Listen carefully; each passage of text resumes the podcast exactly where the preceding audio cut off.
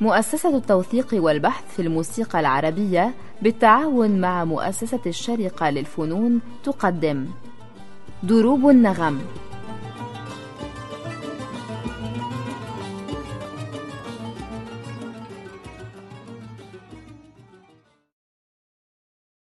أهلا بكم أعزائي المستمعين في حلقة من حلقات دروب النغم. نواصل فيها الحديث عن العود مع الأستاذ مصطفى سعيد.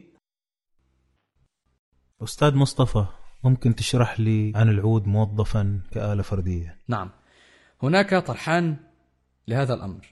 الطرح الأول أنه زي ما أي آلة في التخت في الموسيقى العربية أو الموسيقى المقامية وظف كآلة فردية. زي الكمانجا زي القانون زي الناي. العود كمان وظف يقسم يقول منفرد. الفرق بينه وبين غيره من الآلات إنه تقريبا الغالبية العظمى من المغنين كانوا لما يغنوا يمسكوا عود في إيدهم. فده خلى للعود أهمية ما. وفي نفس الوقت للأسف إنه مثلا في التسجيلات لأنه معظم المطربين كانوا يمسكوا عواد فكانت التقسيم تروح لغير آلات. فده كمان أضعف الآلة من حيث دورها كآلة. يعني اختصر دورها على مصاحبة الغناء. لأنه المطرب مش هيقعد يقسم. خلاص إن هو مطرب. إنما لما يكون في عازف عود كان بيكون في تقسيم بتروح للعود زي أي آلة تانية. فده العود يعني بشكل فردي. وبرده الشكل الثاني اللي هو الفيرتيوزو اللي هو الاستعراض التقني ده برده زيه زي آلة تانية. وإن كان يعني العود في هذا الموضوع أخذ اهتمام أكثر من غيره.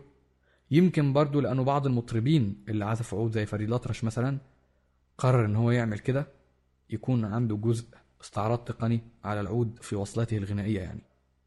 واللي هو زي ما قلنا إنه يعني اللي برع فيه أكثر في هذا الاتجاه هو شريف محي الدين حيدر. يمكن لأنه التعلم غربي أو بوزيشنز على تشيلو وكل ده ساعده في العود. كمان ده نوع من التوظيف كآلة فردية لكن الغرض منه مختلف.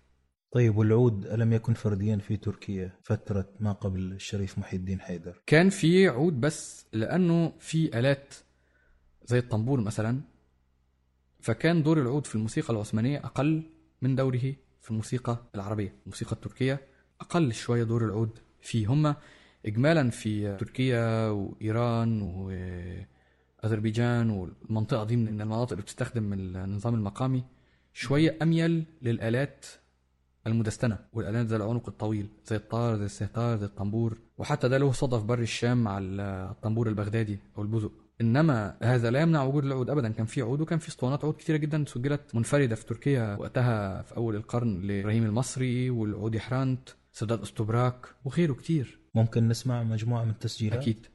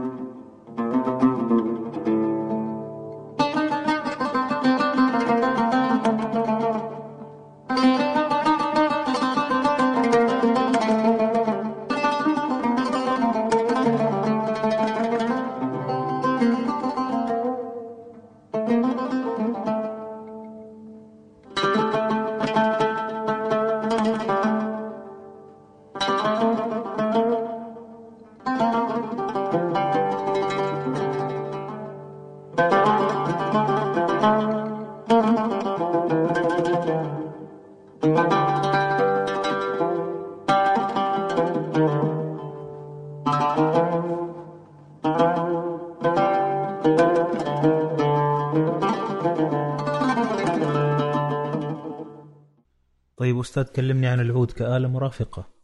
العود زي ما قلنا إنه لأنه كان عود دايما الغالبية العظمى من المغنيين بيغنوا. مع عود إذا واحد ملحن بيلحن على العود والمغني دايما في إيده عود فبالتالي تلاقي إنه العود بيعزف نفس الفكرة اللي بيقولها الراجل بصوته المؤدي بصوته مش بتكلم على الراجل بمعنى إنه يعني بتكلم عن المؤدي بشكل عام. نعم. ممكن تكون مؤدية زي نادرة مثلا كانت برضو تغني وتعزف عود. المهم الفكرة إنه اللي بيتقال بالصوت هو نفسه بيتقال بالنغمة مش مجرد ترجمة وإنما هو نفس الفكرة اللي طالعة من الرأس بتترجم بالصوت بالحنجرة وبالآلة. يعني تكون مثل الجملة المغناة أيوه. وليست جملة آلية. أيوه.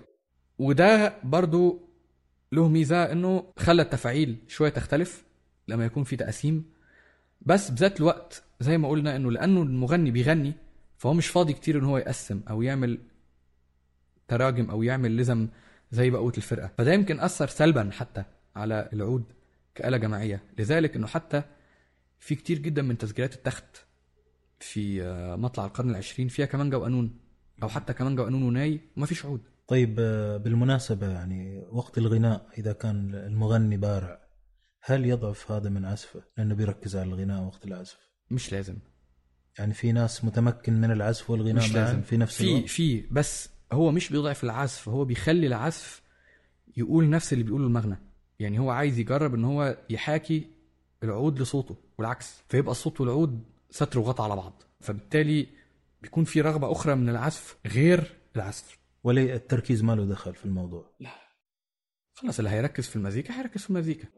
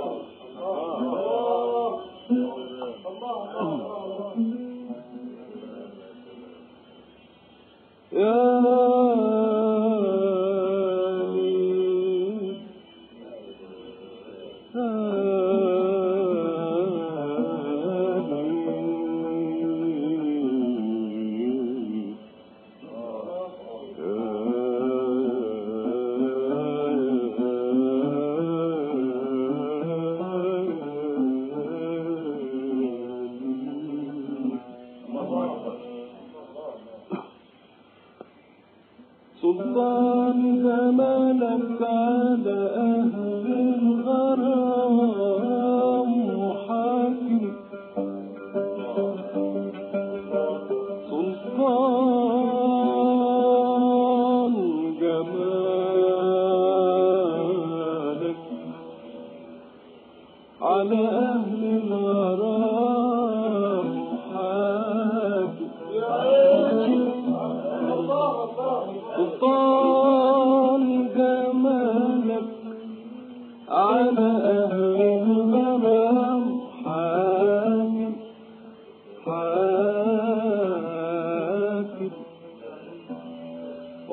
وحارس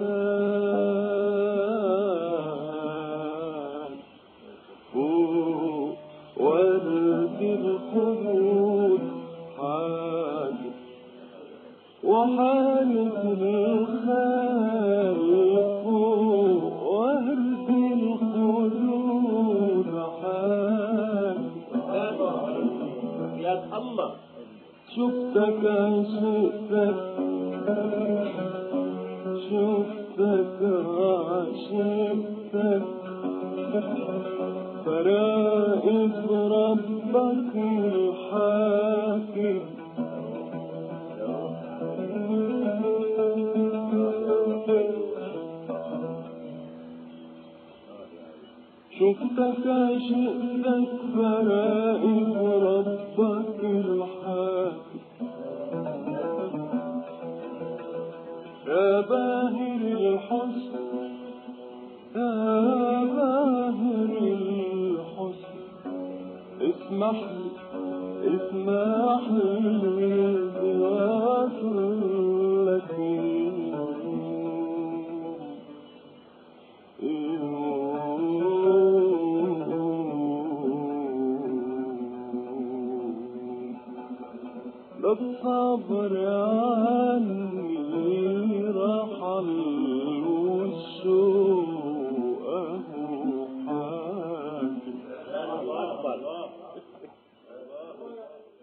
طيب لماذا دائما يربط العود العربي بالتأليف والتلحين؟ الغالبية العظمى من الملحنين أو المؤلفين الموسيقيين كانوا بيعزفوا عود فبالتالي كانوا يألفوا عليه ويلحنوا عليه لو هيغنوا. لكن بعض الناس كانوا عادي يعني أحمد شريف كان بيلحن على القانون مثلا سامي الشوا أكيد إنه كان بيلحن على الكمانجا الله أعلم ما يعني بيألف البشارف بتاعته يعني على الكمانجا بس هي حقيقة إنه ما نقدرش ننكر هذه الظاهرة إنه الغالبية العظمى من الملحنين والمؤلفين مع التأليف الموسيقي يعني أو التلحين يعني بالنهاية هو كله تلحين سواء كان آلي أو غنائي. المهم الغالبية العظمى من هؤلاء كانوا بيعزفوا عود. يمكن لأنه العود كان آلة التنظير أو يمكن لأنه حتى العازفين اللي كانوا بيعزفوا غير آلات كانت تلاقيهم بيعزفوا عود. يعني مثلا سامي الشوا كان يعزف كمانجا ومع ذلك كان يعزف عود. يقال إنه محمد عبده صالح حذف القانون الشهير برضه كان بيعزف عود. محمود عفت اللي كان بيعزف ناي برضه كان بيعزف عود. ففي ناس كتير جدا بيعزفوا آلاتهم وبرضه بيعزفوا عود. هل هذا لوفرة العود ورخص ثمن العود أو سهولة تعليم العود؟ أو إيش؟ أعتقد إنه ده يرجعنا تاني لمسألة إنه في اللاوعي الجمعي عندنا العود هو آلة التنظير هو الآلة اللي نظرت عليه للمقامات. هذا هو السبب اللي أعطى العود هذه الأهمية. بمعنى إنه العود بقى فيه mass production بقى فيه إنتاج عالي فبالتالي بقى رخيص الثمن. لهذا السبب. لو إنه كان القانون هو ده كنا هنلاقي القانون هو اللي إنتاجه عالي وهو اللي رخيص الثمن. والمنطق بيقول إنه القانون هو الأشبه بال keyboard البيانو اللي هو معظم الناس بيعزفوه في الغرب. فبالتالي كان لازم هو اللي يكون أو القانون أو السنتور.